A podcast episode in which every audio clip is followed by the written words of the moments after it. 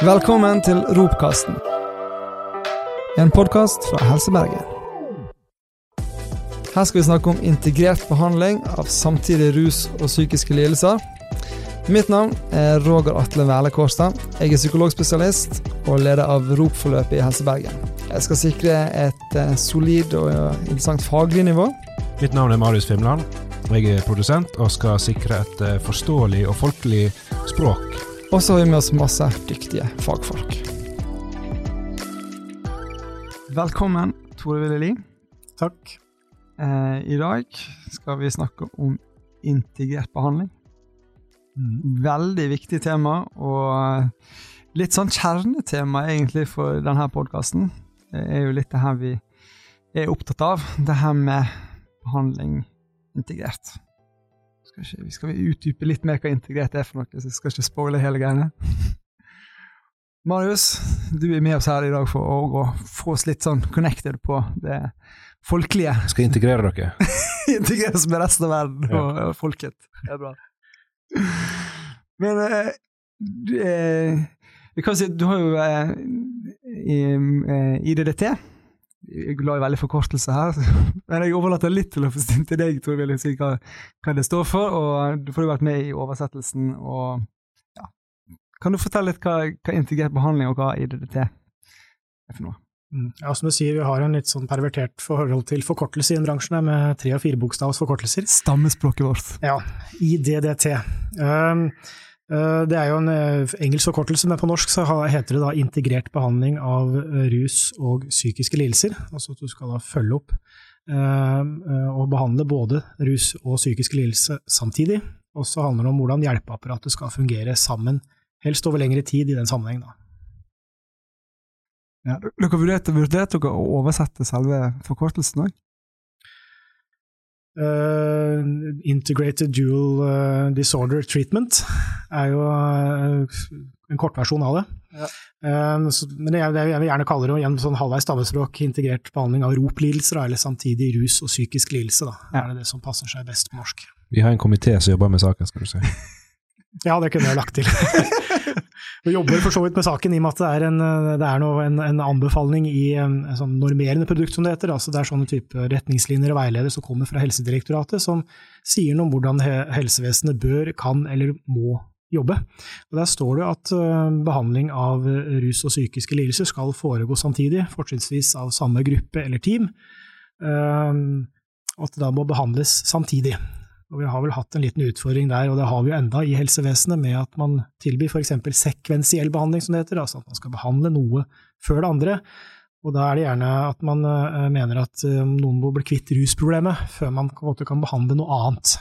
Og Da er man ofte på villspor, uh, med tanke på dynamikken mellom rusmiddelproblemer og psykiske problemer, og hvordan det forholdet til det er til hverandre, med tanke på forverring og og styrking eller demping av ulike utfordringer, og ikke minst at det kan bidra til økt risiko for tilbakefall hvis du bare behandler den ene av flere lidelser. Ja. Hvis vi skal på en måte få alle om bord, du, du nevnte jo litt det med, med veileder og retningslinjer. Kan du ta, gi oss en kort eh, versjon på beskrive altså, hva er det for noe, og hvordan det fungerer? Mm. Det er jo Helsedirektoratet da, som utgir ulike uh, sånne, skal skal kalle det bøker, det er vel PDF-er osv. i praksis på nettsider. Det er ulike sånne publikasjoner da, hvor det f.eks. er behandling av psykoselidelser, bipolar lidelse, av samtidig rus og psykisk lidelse. Den har en sånne berømte forkortelser, da. den heter da ROP-retningslinja på fagspråket. Uh, og mange andre typer små og store sånne publikasjoner da, som forteller noe om, eller anbefaler eller sier hva folk må forholde seg til eller gjøre, som har en juridisk side ved seg, spesielt hvis det er noe du må eller skal, og det står i de retningslinjene og veilederne osv. fra Helsedirektoratet, så er det noe du er, som kan ses på mer eller mindre som et uh, påbud, da. altså noe du ikke kan komme deg unna eller argumentere deg bort fra som, som helsevesen, eller ulike roller og ansvar, og litt avhengig av det er kommunen eller spesialisthelsetjenesten osv. Så, så det er egentlig, kan det ses på litt som en sånn bruksanvisning for helsepersonell? Ja, ikke noe fullstendig bruksanvisning eller suppeoppskrift, gå to steg fram og ett til høyre, men det sier nå i hvert fall både generelle ting og spesifikke ting på hva folk enten kan eller burde gjøre. Eh, som, som er, det er jo ikke tilfeldige ting, det som står der. Det er noen gjennomtenkte ting som står der, så det er jo ikke tilfeldigheter det er snakk om. Det er en viktig side av det. Og så er det noen ting man tenker at dette her er noe helsevesenet må gjøre for å beskytte folks rettigheter og for å gi folk så god oppfølging som mulig. Mm. Ja, for det er vel noen ting som er litt mer sånn som anbefalinger, og så er det noen som sier at noe man skal og må. Ja, det er litt ulik ordlyd som har litt sånn urik juridisk klang, da. Og når det står, når det, når det står skal, så er det mer eller mindre et påbud. Eksempel at det står i den ROP-retningslinja, som jeg kalte det, eh, at eh, eh, du skal tilby integrert behandling. Altså at du skal behandle begge tilstander, eller flere tilstander, samtidig. Du kan ikke velge å plukke om du skal gjøre det ene eller før det andre. Utgangspunktet eller hovedregelen er at du skal få behandle både rus og psykisk lidelse samtidig.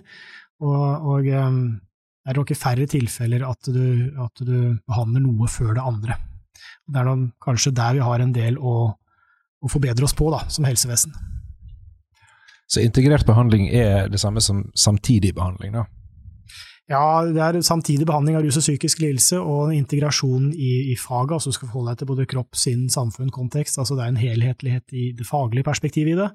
Og så er det integrasjonen av at det er ulike tjenester som skal fungere fortrinnsvis godt sammen i samme tidsrom. Altså om det er folk som jobber i kommunen, altså helse- og omsorgstjenester i kommunen, i spesialisthelsetjenesten, fastlegen din, Nav. Det kan være i forbindelse med løslatelse fra soning, altså rett og slett hvordan den flokken rundt deg og de personene som er involvert rundt deg, hvordan de fungerer sammen. Her har også vært late i uh, terminologien. Det er jo sånn absolutt alt behandling. Ja, det, er, eh, ja, det kan, man jo, kan man jo godt si. Du, du, skal ha en tighthet over det, altså det, det, og det ligger litt i kortene når du har mange ulike utfordringer, og så har du igjen mange ulike etater, eller siloer som man kaller det, da, kommune, spesialisthelsetjenesten, fastlege osv. Så, videre. så du, er det ulike ting de tilbyr som er viktig for deg, eh, og som passer eller er eh, rett for den ulike type rollen. Og så er det noe med at de også skal fungere sammen. da. Vi ser jo en del eksempler på at det er med vekslende hell, og jf. f.eks. et sånt tilsyn da, man hadde med helsetjenestene innenfor rus og psykiske lidelser for fire-fem år siden, eh, så så man at det var mye svikt på nettopp det at vi fungerer for dårlig sammen, og det, vi har fortsatt en del å lære der. Så, så, det her er det, det, det skorter jo ikke på at man faktisk har anbefalt at det faktisk skal være sånn, og så allikevel så er ikke det sånn. Hva, hva tror du hva er grunnen? Hva er hovedgrunnen til at det er ja, Lista over grunner er nok mange og sammensatt, eller multifaktorielt, som man kaller det litt sånn på fagspråket. Eh, det er mange grunner til det. Én eh, ting er på noen type anbefalinger står det at, noen, at man skal gjøre noe, altså integrert behandling. Også det er et viktig oppfølgingsspørsmål. Hva er noe integrert behandling? Eh, hva betyr det, dette her i praksis? Det står at vi skal gjøre noen helt konkret ting, eller et navn på noe. Hva betyr nå det i praksis, faktisk? Og det står jo ikke i anbefaling alene. Eh, leser du litt grundigere rundt den anbefalinga i den ROP-retningslinja, så, så, vil du nok se at det, da stammer det fra den modellen som vi kaller IDDT, som vi var inne på. Eh, at det ligger til grunn for anbefalinga. Det betyr jo også at det er en del ulike ting som, som vi bør være gode på når vi skal følge opp folk, i tillegg til dette med å følge opp folk samtidig og fungere sammen, og samtidig følge opp begge lidelser. Um, og så er det økonomiske insentiver i dette her. altså vi, Det er hver sin tue her med kommunen og med spesialisthelsetjenesten, fastlegen. Det er da ulike lovverk for hver tjeneste, uh, som også gjør noe med taushetsplikt, og at man kanskje verner om sitt område og sitter litt for alene med sine ting, og sitt budsjett som man forholder forholde seg til. Um, Sånn at Noen vil nok si at det er for få grunner til å samhandle godt fordi vi har våre budsjetter og våre lovverk som man føler liksom gjør ting kronglete. Og så kan det være litt varierende, varierende grunnkunnskap om samtidig rus og psykisk lidelse som gjør at man har ulike meninger om hva som er viktig og riktig for den enkelte. Så her er det rett og slett mange grunner, og, og det høres jo litt ut som at man har anbefaling som er der for at det er det beste for pasienten. Mm. Men så er ikke systemene høres ikke ut som de er helt rigga for å, at, det, at, den skal bli naturlig, at det skal være sånn. Det høres ut som man kanskje må legge seg litt i selen for å, for, for, få det til. Ja, I praksis så må hver eh, etat, da, eller person fra hver etat som følger opp i en gruppe rundt den enkelte, eh, må eh, ta seg litt i selen, holdt jeg på å si, og, og jobbe for at vi skal faktisk fungere sammen. Så er det for så vidt lett å si det i praksis når folk har fulle timebøker og er, eh, har, sitter med sine tidsklemmer og ikke har et ledig team på, på, ukeplanen sin til å møtes alle fem stykker fra fem forskjellige etater til samme tid. Bare noe så en, tilsynelatende enkel ting som det er vanskelig å få til. Og det er klart, Da blir det vanskelig at den flokken faktisk har mye med hverandre å gjøre og få synkronisert seg og, og, få en felles forståelse av ting og få en felles vei sammen med pasienten. Hvor, hvor går vi herfra, hvem gjør hva når? Og i sånne systemer så vil man ofte ha liksom noen som skal være ansvarlig for noe. Noe som man kan peke på hvis ting ikke blir gjort skikkelig. Hvem er det som er ansvarlig for at det blir gitt integrert behandling? Mm. Alle som er involvert rundt en person, og eventuelt familiearbeid og pårørende osv., alle har et felles ansvar for det lagspillet. Ehm, det er klart, når det blir mer av ulike alvorlige problemstillinger, eh, som, som eh, eh, alvorlig selvskading, vold, og, og, flere andre aspekter, så blir man kanskje litt opptatt av å ikke sitte med ansvaret hvis det går gærent.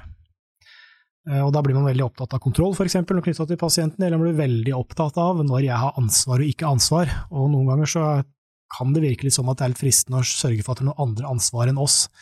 Eh, får man en litt sånn fornemmelse av noen ganger. Så det blir, det blir et spill om hvem som skal uh, sitte med regninga på ett vis, både i kroner og øre, og uh, i forhold til den alvorlige problematikken noen sitter med, som gjerne er litt sammensatt og kanskje litt kaotisk, og det er noe uforutsigbart over, over tingenes tilstand. Uh, da blir det fortere gjort at folk ikke tar det felles ansvaret. Og det syns jeg er veldig synd, for det jo mer man føler at man har oppbacking i, i den gruppa, i hver sin del av hjelpeapparatet, men at man faktisk eh, har en oppbacking fra alle, alle enhetene, og at man har en støtte og en backup på et vis. Så tømmer man gjerne mer, man orker gjerne mer, og man vil gjerne mer, i stedet for å backe ut og bli usikker, og så blir man gjerne i verste fall irritert og litt oppgitt over hverandre i hjelpeapparatet, og det hjelper i hvert fall ikke den som sitter her og virkelig har det vondt. Ja, for jeg lurer på, altså, Har du lyst til å male et scenario der en, fra et pasient sitt perspektiv, der integrert behandling fungerer veldig godt, mm. og det motsatte scenarioet, der det svikter. Altså, mm. hva, hva, er på en måte eh, utfallet og opplevelsen for en pasient av de to ulike? Mm. Det helt mer åpenbare tilfellet det er jo det man kaller sånne fleksible oppsøkende samhandlingsteam, FACT-team. Eh, der har man gjerne sammensatt av mange av disse rollene her, som gjerne er spredd rundt i systemene, i ett og samme team, så de faktisk jobber som formelt en flokk. Ja, altså fastlege Ikke fastlege, da. Det kan, være, det kan være, noen som jobber i Nav-systemet, det kan være uh, jobbspesialist, altså noen som følger opp knytta til jobb, det kan være behandleren på, uh, i spesialisthelsetjenesten, i DPS osv. En viss del av apparatet, en viss andel av apparatet har litt både flerfaglige fokuset, og faktisk kan følge opp og være oppdatert og være liksom, tuna inn som lag rundt den enkelte, med tanke man følger opp hvordan man tilpasser seg for, for den enkelte pasient. Så det, det har liksom makspotensialet, tenker jeg, i og med at den flokken formelt sett er under samme tak. Også, men det betyr jo ikke at man ikke kan få det til, alltid, eh, fordi det ikke er under samme tak. Altså man, folk sitter i kommunen med sitt spesialisthelsetjenesten i sine bygg og på sitt område med sine ting. Så går det faktisk an å kommunisere og samspille på en måte som pasienten opplever som konstruktiv, og som beste fall og med intensjon skal gi folk bedre livskvalitet på sikt. Um, og det vil være selvfølgelig noen kasus, uh, eller tilfeller da, der, der, man gjerne skulle ha dette formelle samhandlingsteamet, at det kanskje er mest egnet av ulike grunner. Også, men igjen, øh, øh, sånn er det jo ikke alltid, og alle kommer jo ikke inn i sånne team, og alle vil ikke nødvendigvis ha hjelp av sånne team. Så det er ikke noe unnskyldning for at resten av hjelpeapparatet, som er litt spredd rundt, at de ikke også skal strekke seg etter å faktisk fungere som et lag. Og så må man leve med noen utfordringer både på ulike juridiske ting som ikke alltid er til hjelp, eller, eller at det er igjen folk har ulike økonomiske egeninteresser med sine budsjetter, som også er med å gi litt dårlig smørning under skia, for å bruke en metafor, for å få til dette godt. Fra en behandler sin perspektiv, så er jo det noe med at eh, det er jo ikke alltid at sånn det er ikke alltid man kan redde verden, holdt jeg på å si, men, men det er i hvert fall den følelsen av å være med på et lag, eller ha medspillere som er der og tar ballen når eh, de får blir bli sendt til. Mm. Det gjør en veldig forskjell i forhold til hvordan det oppleves å sitte med, med eh, den hjelpen man ønsker å gi. Det gir et overskudd, og du holder nok mer på motivasjon, og, og du tør mer, og du orker mer. Altså, som sagt, hvis man har en slags idealversjon av hva man forhåpentligvis kan oppnå og tilby til noen, eh, så, så er det noe med å på senke litt skuldra på det, samtidig som man gjør så godt man kan, eh, med god samvittighet. Eh, men det å være en del av noen når det er vanskelige ting man følger opp, og det går litt trått, og det er litt tilbakefall, og det er litt vanskelig, så, så orker man å klare å stå mer i ting, og antagelig så får man ting i bedre Altså man får til ting bedre, uh, bare du tar tida til hjelp. Men um, det er klart så må man som behandler også ha noen skru ned forventningene sine på vegne av pasienten. Da. tenker jeg det er et vesentlig poeng. Eh, tenk, vi, vi, I forhold til det med for vi, du, du, nevnte altså Litt det med silo er jo et begrep som ofte blir, blir brukt. Mm. Det er ikke sant noen sitter oppi en silo, sånn bokstavelig talt, men, men eh, det, det, er jo to fagfelt. Jo, kan du si litt sånn eh, rusfeltet. Eh, det er jo ikke så gammelt i forhold til spesialisthelsetjeneste og pasientrettigheter. og Hvilken betydning tror du det har i forhold til samarbeid og anseelse og kultur og sånn? Mm. Ja, Man kan jo mene mye om oppdelinga mellom tverrfaglig spesialisert rusbehandling som heter, og psykisk helsevern. Eh, eh, det har sikkert vært med de beste intensjoner, og nå får jeg snakke i hvert fall for meg sjøl, så tenker jeg at det, problemet med det, det er jo at man får litt sånn karikert versjon av det i praksis, hvor, hvor eh, hvis du har et rusproblem, da er det den tverrfaglig spesialiserte rusbehandling, og da er det noe for deg. Og så har jo psykisk helsevern et åpenbart ansvar for å hjelpe de med alvorlige psykiske lidelser, og de har på en måte blitt spilt litt bort i dette her. Også, eh, fordi psykisk, helse har, eh, psykisk helsevern først og fremst tar fokus på, eller best på, da, selvstendige psykiske lidelser, som det heter. Så det blir en litt sånn karikert versjon av, av man forholder seg til bare biter av et menneske, eller at det er noen ting man er god på. Derfor så På et vis spiller man bort folk, er en side av saken. Og så er det eh, også en del ulike døgnenheter, langtidsbehandling. Der er ulike ideologier og meninger om hva som er viktig og riktig behandling, hvordan ting skal foregå. Så sånn jevnt over hjelpeapparatet, litt mer ydmykhet over egne overbevisninger er lurt, til fordel for pasienten. Altså Man må være løsningsorientert og målbevisst på hva er det som uh, ser ut til å fungere og ikke fungere, og hva vi kan tilby, og hvordan vi kan tilpasse oss til fordel for personen, snarere enn å agere på egne overbevisninger og egne sterke ønsker om ting. Hva fall sånn jeg har opplevd litt sånn reisen med eh, integrert behandling, eller ROP-retningslinjene, så, så opplever man alt for, for, Før så var det nesten litt sånn, setter du veldig på spissen, at hvis du hadde et rusproblem, så ble du nesten litt sånn avvist på DPS, og da fikk ikke du behandling der. Da måtte du til TSB. Mm. Og så eh, jeg tenker jeg at verden har gått videre, og at det, det er ikke tilfellet i dag lenger. Men, men, nå er det litt mer setter jeg veldig på spissen, altså, at man, man, får hjelp på DPS, men ikke nødvendigvis for begge deler. Vi, vi, vi, behandler de psykiske plagene dine, og så får, aksepterer vi på en måte at du har noen andre plager òg, for å si det litt sånn på spissen. Mm.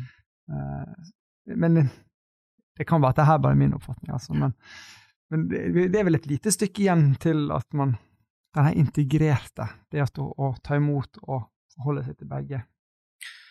Ja, jevnt over landet her så er det nok mye å gå på her fortsatt. Det hadde dette tilsynet for noen år siden som uh, ikke overraskende viste at her, her, har vi en del å gå på, og sånn tror jeg nok dessverre det er fortsatt. Man kan mene mye om arbeidsvilkår og måten systemet er lagt opp på, men det er nok noe, av noe grunnkunnskapen her om, om, eh, hva som er viktig og riktig behandling, som er uh, litt sånn manglende rundt omkring, eller vanskelig å selge inn eller noen ikke vil ta det til seg. Det kan man spekulere i hvorfor det har blitt som det har blitt. Men du var inne på noe om at man skal behandle én ting før noe annet. altså Man blir jo gjerne allerede avvist uh, i forbindelse med henvisning til spesialisthelsetjenesten, at du har et rusproblem. altså fordi du har det, så kan vi ikke gi deg egentlig god behandling, så du må bli kvitt rusproblemet. da. Det er det da en TSB, eller tverrfaglig spesialisert rusbehandling, det er det sitt ansvar. Så ikke bare har de gjort en dårlig vurdering av noe som egentlig skulle vært en sånn bred, god vurdering, altså hvem kan gi deg god hjelp i spesialisthelsetjenesten, hvor passer du for så vidt best, men i tillegg så har de avvist henvisninga, og så ber de deg gå en tur til til fastlegen for å sende en ny henvisning til TSB for å tilby deg enda en sånn halvferdig behandling, altså ikke integrert, da, da sekvensiell. Så det gir seg sjøl ris på baken i tillegg til både å avvise og til å tilby den eh, type tilnærming som ikke er anbefalt, eller hovedregelen. Så uh, det er opptil flere lovbrudd her i praksis. Men hvorfor er det sånn, da? Er det mangel på kunnskap, eller press på tid, eller? Altså, det Regelverket høres jo noe komplisert ut, men det er jo, det er jo gjerne jobben til så folk har vite om det samtidig. Ja, da, eh, Forhåpentligvis er det god henvisning som også har fått fanga opp alle relevante problemstillinger, og deriblant rusproblemer, da, som noen gang beskrives. Ehm, Og, og du, har, du, har, ikke anledning til å igjen avvise folk fordi de har et rusproblem. Det er den korte, enkle versjonen av det. Men det kan være ulike kulturer på noen. Noen vil, vet ikke om noen har lyst til å jobbe med personer som har mindre utfordringer ved seg. Eller at det kan være at det gjør det lettere å behandle den selvstendige psykiske lidelsen jo mindre liksom, si, støyfaktorer vi har i tillegg, da, eller hva vi kan bli helt klok på. Uh, og dels det, kan det være litt preg på kanskje noen ukultur noen steder på en måte man har lagt opp til hvordan man skal vurdere henvisninger. at uh, Jeg har lurt noen ganger på om enklere pasienter er liksom lettere å få innpass for, i hvert fall i psykisk helsevern noen ganger, i den for, enklere i Gåstein altså. at folk lider og har det helt for jævlig. Det er ikke det jeg mener. Men at hvis det er rus liksom, på toppen av det igjen, da, da er vi liksom berettiget til å si nei, da. Da må noen andre ta ansvar.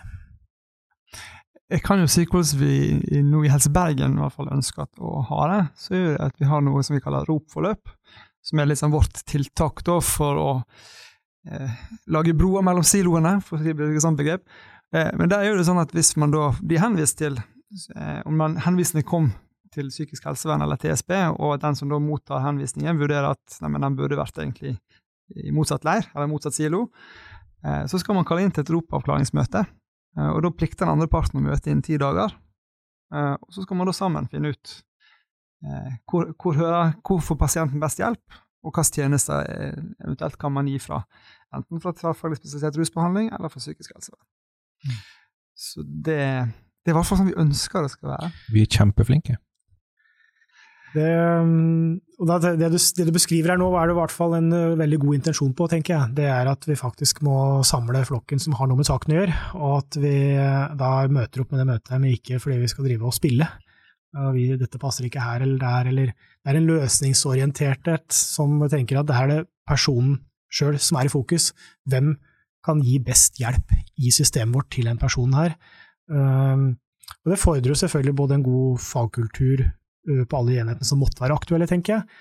Noen er veldig utrygge på personer som har rusproblemer, kan være. og det er klart at Da blir det kanskje mer fristende å si at han ikke passer her, eller, eller uh, han må komme på tvang hvis han skal til oss, eller jeg har hørt mye rare argumenter for, for å måte, slippe å ha en person med rusproblemer inne på enheten. Men, um, så det handler om både å bygge fagkultur for de personene før de kommer i møte, og så er det om at den beste integrerte behandlingsånd er at man møter opp i det møtet igjen en, med flokken for å finne ut av saken. Og, og det, det som er viktig med det, er jo at man slipper liksom å gå tilbake til fastlegen og med sånn pingpong med, med, ventetider og sånn. Mm. Eh, og så er det jo klart at eh, det som er et prinsipp, viktig prinsipp for oss òg, er jo på en måte at eh, ved å ha nettverk, så vil man kjenne bedre. sånn at Når man møtes, så er det litt lettere å, å snakke sammen og finne gode løsninger. Mm. Og ikke sånn der skyve på problemet, men heller på en måte hva kan man bidra med. Mm. Hvis den, alle kan ha det hen når man kommer til bordet, så er det litt lettere.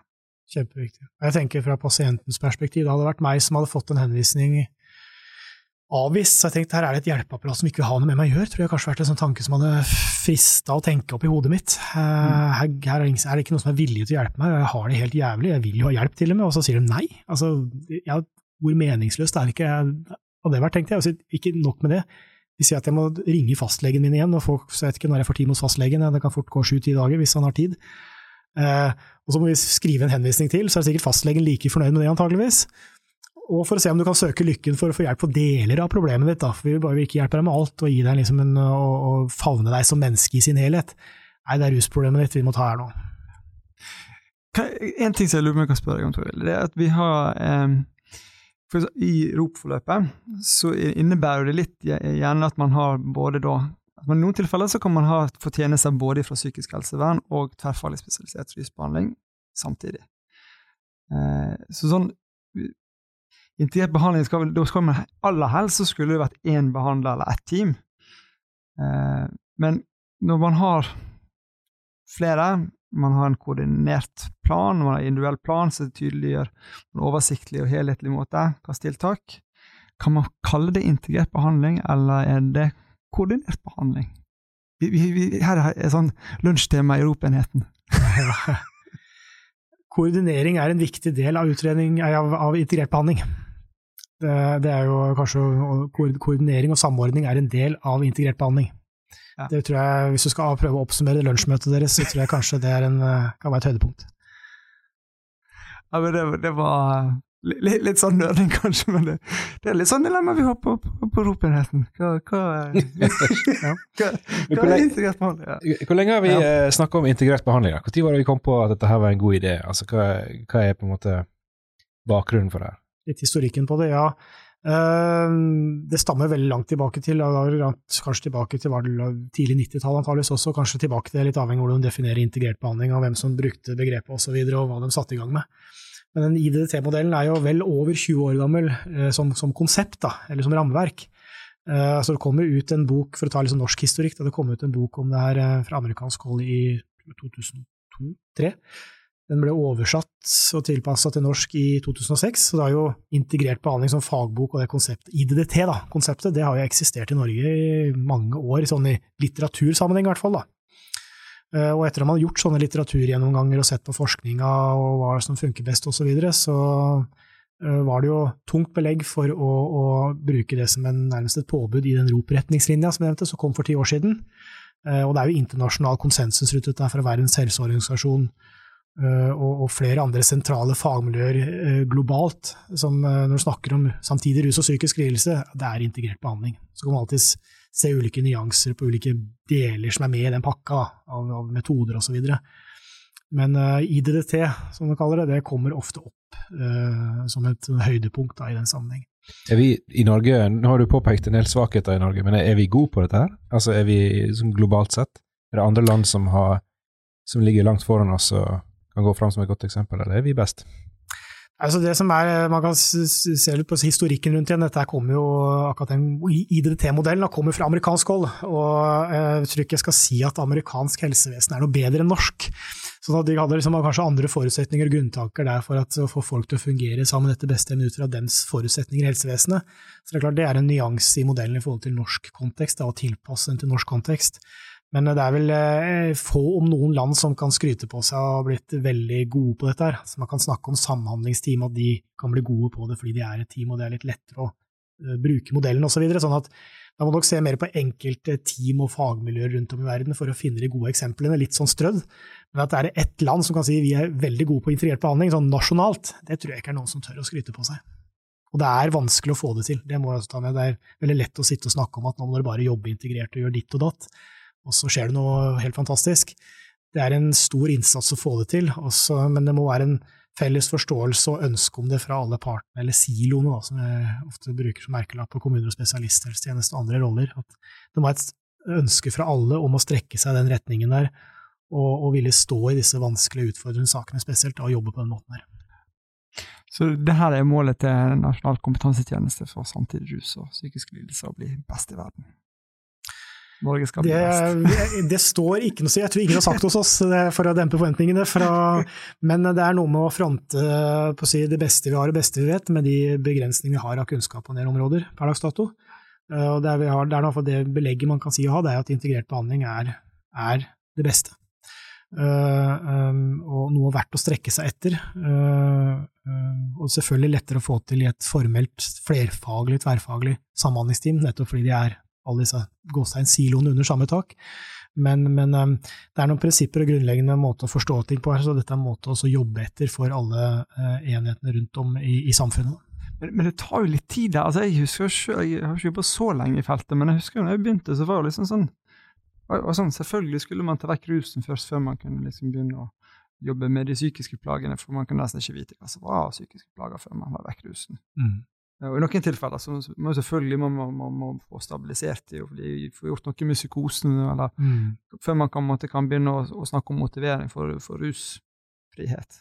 Mm. Og jeg, jeg, har jo sjøl tenkt at ja, det gir jo fullstendig mening, holdt jeg på å si. Mm. Men eh, de, de, de, sier jo at det tar jo Er det 17 år eller noe sånt man kan ta før ting liksom blir implementert og blir vanlig praksis?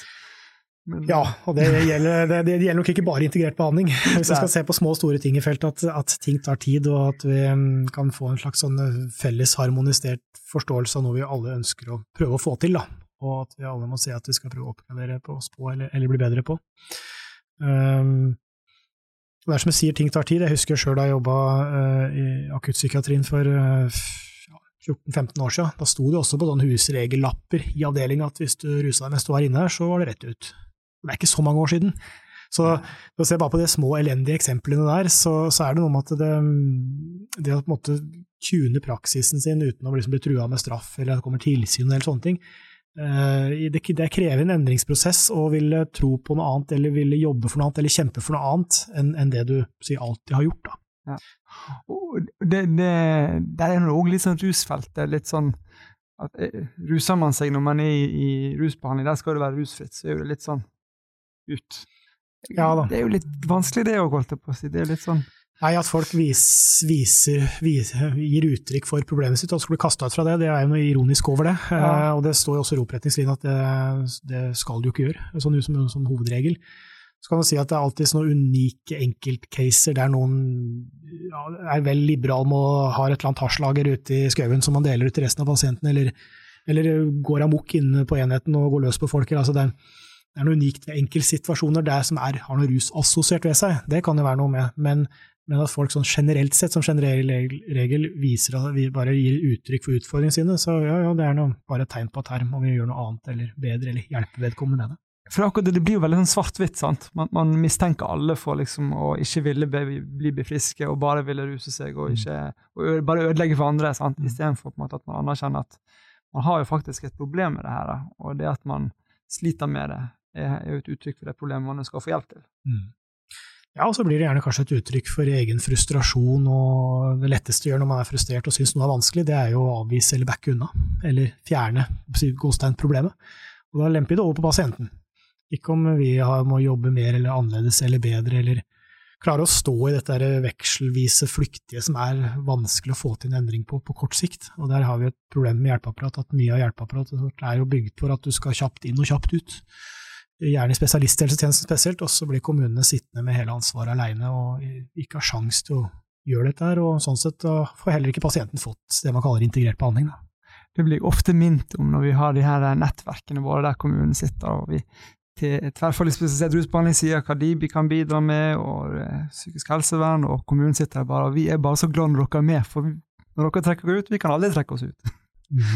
Så det, det, det er jo viktig å huske det at no, noen ting uh, Pasienten er jo der og har ofte sine plager. Og, Ja, og da tenker jeg det må driftsprinsippene og fagkulturen i spesialisthelsetjenesten ta inn over seg, at man må stå i caser der man ikke umiddelbart merker denne supereffekten av hva enn vi måtte ha å i spesialisthelsetjenesten, at vi må stå sammen som lag uh, og bidra, både med å si, uh, overlappe i rolle og form og innhold, men uh, vi har vår kjernekompetanse og vår kjernerolle i det.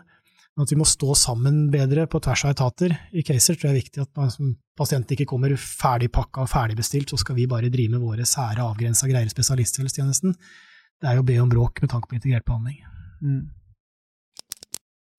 det, det står jo med litt når du snakker Tor Willy, at, at integrert behandling handler ikke bare om det å at en enkelt behandler skal handle se både rusplagene og psykiske plager, men det handler òg om å integrere samarbeidspartnerne og at man er flere om det samme prosjektet. Ja, det er lagspillet som er kjernen her, sammen med at du behandler ting, alt som måtte være relevant, og forholder deg til alt som måtte være relevant samtidig. Altså, da er det gjerne dette med å, den sekvensielle behandlinga som man drev og tulla litt med, med at man skal få bort rusproblemet først, men samtidigheten i det. Du er nødt til å forholde deg til begge deler samtidig.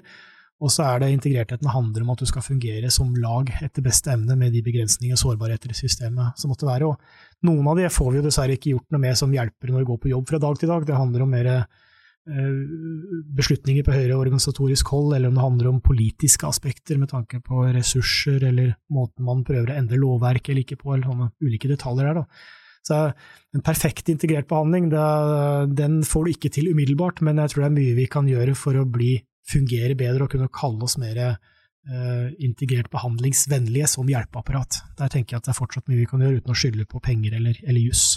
Mm.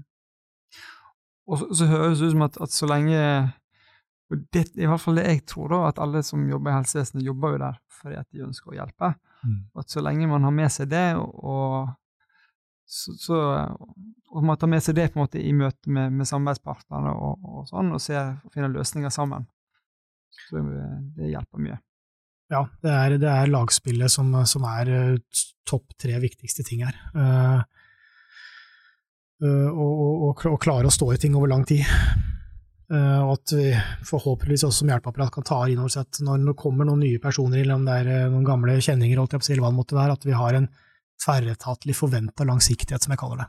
At Vi kan ikke forvente noe quick fix her, at om seks uker så måler vi en effekt av noe, hvis ikke vi ser noen effekt, så kan vi skrive den ut, for da har den ikke nytte av det vi holder på med, så legger vi all skylda av problemet over på pasienten.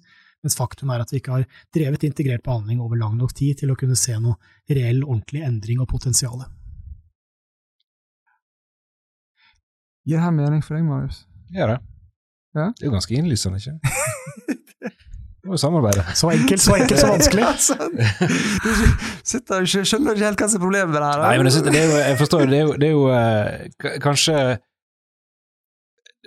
Det er veldig mange gode eksempel på når ting uh, svikter og ikke fungerer fordi at etatene ikke samarbeider.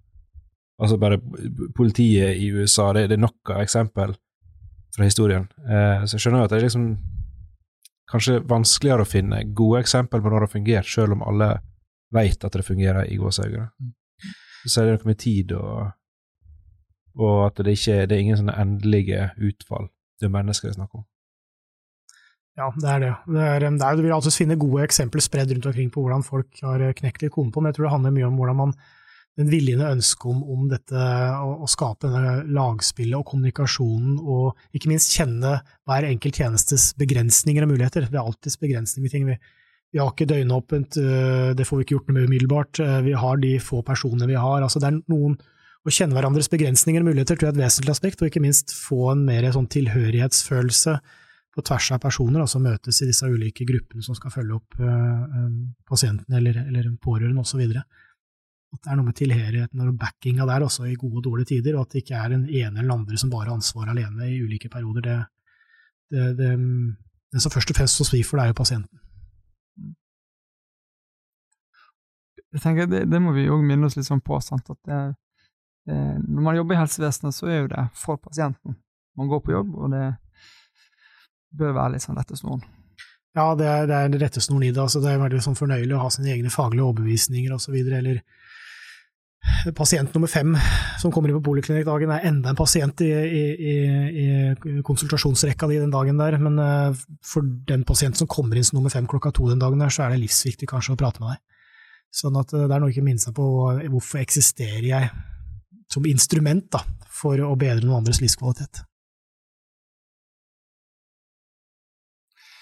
Nei, men eh, Veldig spennende Tore Willy, å snakke om det temaet. Jeg tror vi kunne snakka mye lenger.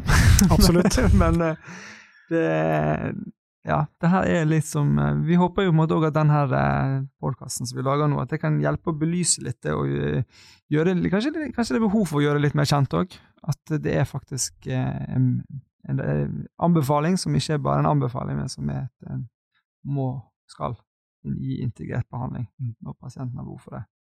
Og at integrert behandling handler både om å se de ulike plagene med rus og med psykiske lidelser, og det handler også om lagspillet, og at alle skal jobbe sammen. Godt oppsummert. Tusen takk for nå, og så snakkes vi. Takk for praten. Ha det bra.